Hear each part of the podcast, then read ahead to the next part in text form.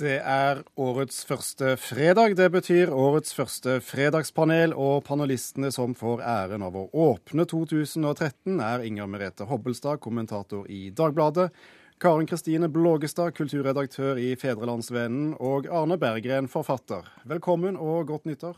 Godt nyttår. Tusen takk i like måte. Vi gyver like greit løs på første spørsmål.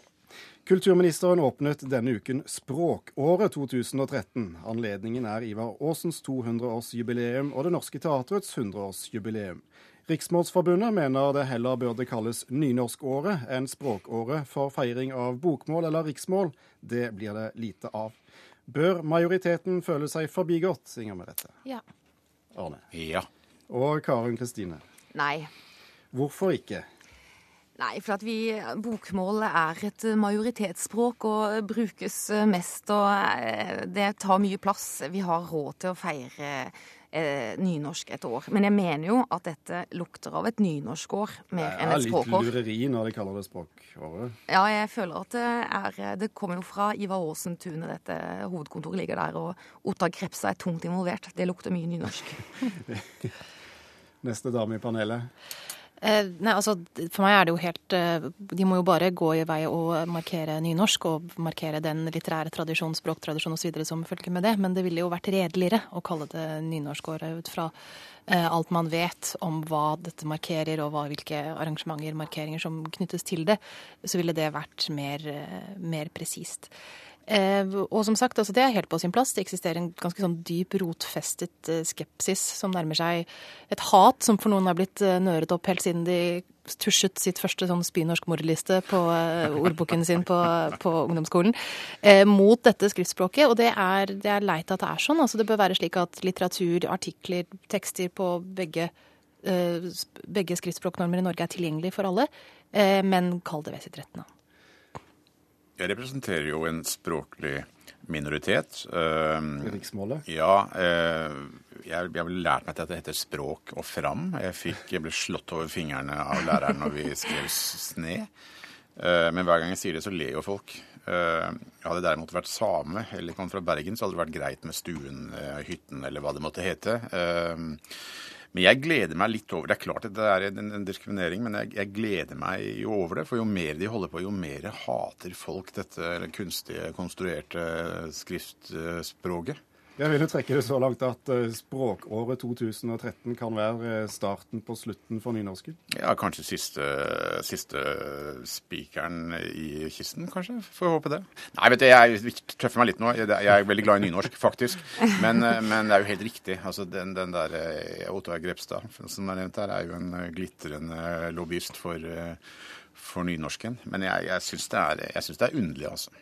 Det er veldig klossete at ikke de har kalt det for et nynorskår, for det kunne de gjort. De kunne feiret seg selv i ett år. Det hadde vært helt i orden. Det hadde alle vært sjenerøse nok til å unne dem.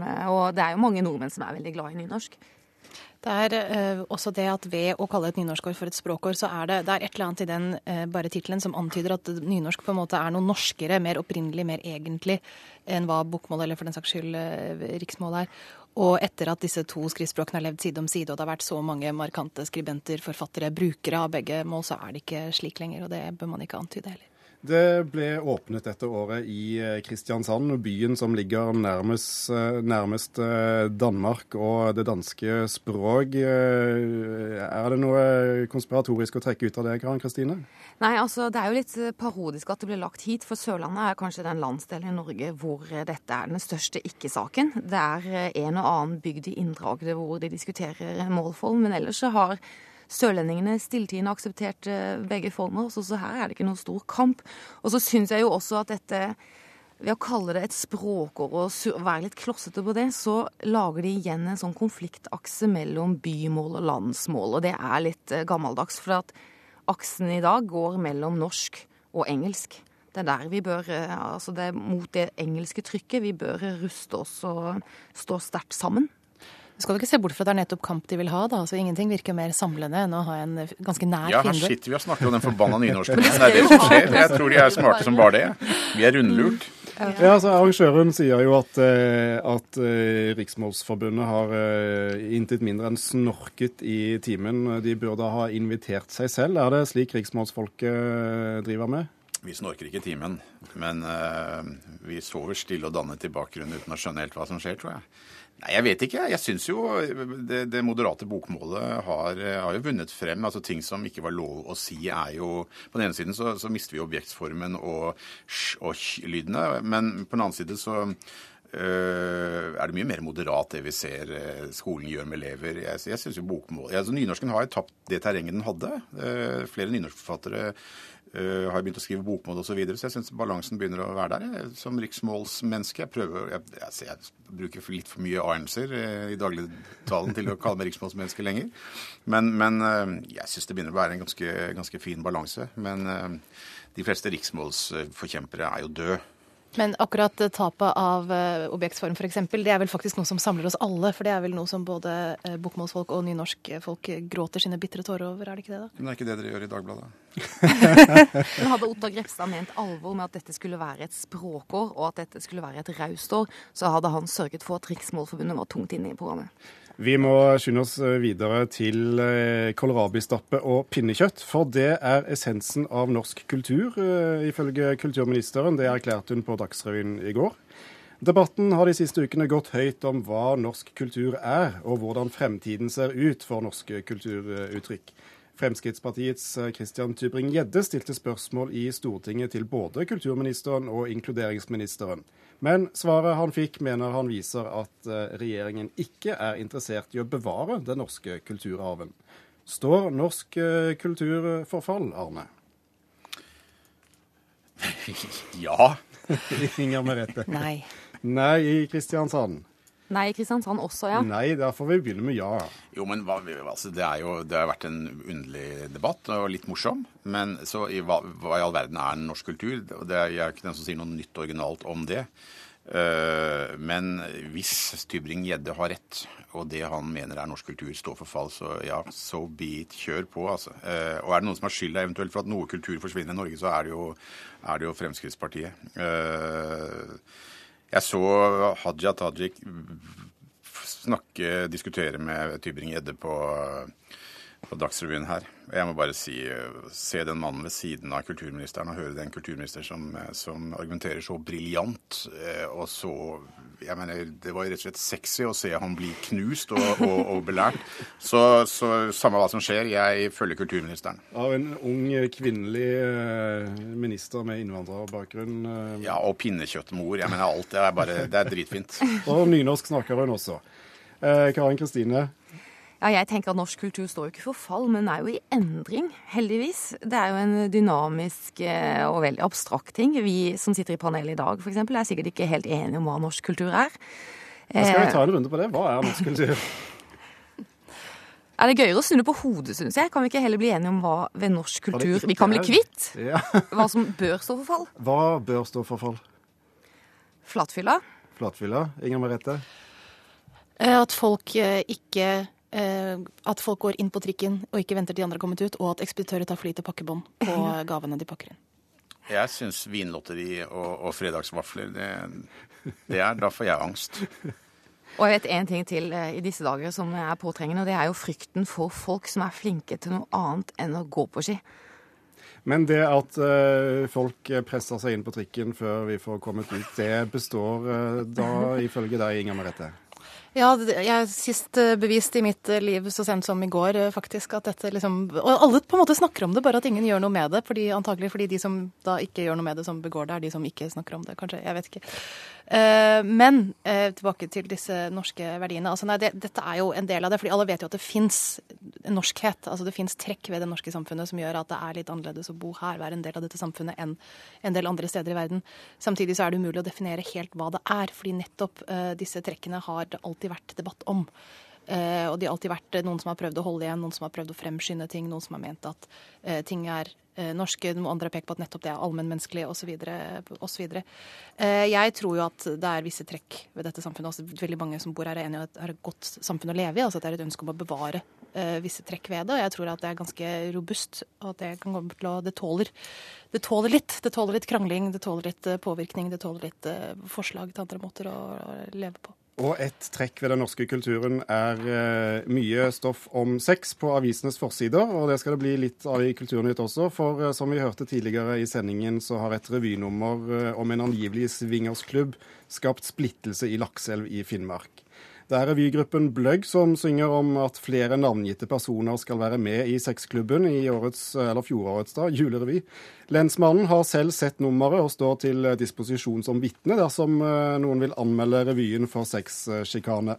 Er det greit å blande lokalpolitikk og sex med et slikt glimt i øyet? Nei. I utgangspunktet ja.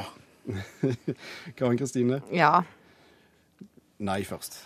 Ja, Nei, jeg tenker at dette er sånn som har gjort uten at man helt overskuer konsekvensen av det. Altså I og for, for seg så bør jo folk kanskje eh, tåle litt, og tåle å bli harselert med og osv. Men akkurat når det gjelder dette her, så er det jo snakk om tross alt veldig private sider ved livet. Det er snakk om å brette ut det, det er snakk om folk som har slektninger som har barn som skal på jobb eh, mandagen etterpå. Og jeg tenker at dette kan eh, kan få en del uheldige konsekvenser både for dem og deres nærmeste, som kanskje den lille latteren under lokalrevyen ikke helt er verdt. Karin Kristine, dette må man kunne tulle med. Ja, altså jeg mener jo at hvis man skal slutte å erte lokale størrelser, og hvis man skal slutte med underbuksehumor i lokalrevy, så er det jo ikke så mye lokalrevy igjen. Men nå er det mulig det har skjedd ting i dette nye spillet i løpet av dagen som jeg ikke har fått med meg. For nå snakker jo Inger Merete som om dette er reelt, som det er en swingersklubb der. Ja, det er jo det store spørsmålet, da. For Ja. eh, revysjefen har vel eh, sagt at eh, sang, nummeret er laget for, for å nærmest avkrefte noen rykter som har gått i mange, mange år. Mm. Men det at folk tar seg nær av dette, er ikke dette en slags bekreftelse av at det Jo, det det jo. Det høres jo farlig ut, da. Det høres veldig farlig ut. Jeg tror, ja, Det høres jo ut som lensmannen Nei, men, men, eh, men det er vel det at hvis det er et rykte Men vi vet ikke nok om, om saken, selvfølgelig. Presten har aldri hørt om denne swingersklubben, for å si det sånn. Nei, men uh, Hva sa du, presten? Presten sier han aldri har hørt om uh, ryktene om klubben. Nei, nemlig. Da er han helt sikkert med. Uh, men men, men hvis det er i et, i et sted som Lakselv snakkes mye om, et, om en swingersklubb, da er det jo et opplagt tema for revyen. Og da spekulasjonen om hvem som er med og ikke med, er jo fantastisk gøy. Eh, selvfølgelig. Men det er jo klart at så lite, liten bygd eller sted, eller hva man skal kalle Lakselv, så, så skal man ikke spekulere mye før man treffer på et par-tre navn som er med i swingersklubben, og da blir det vanskelig.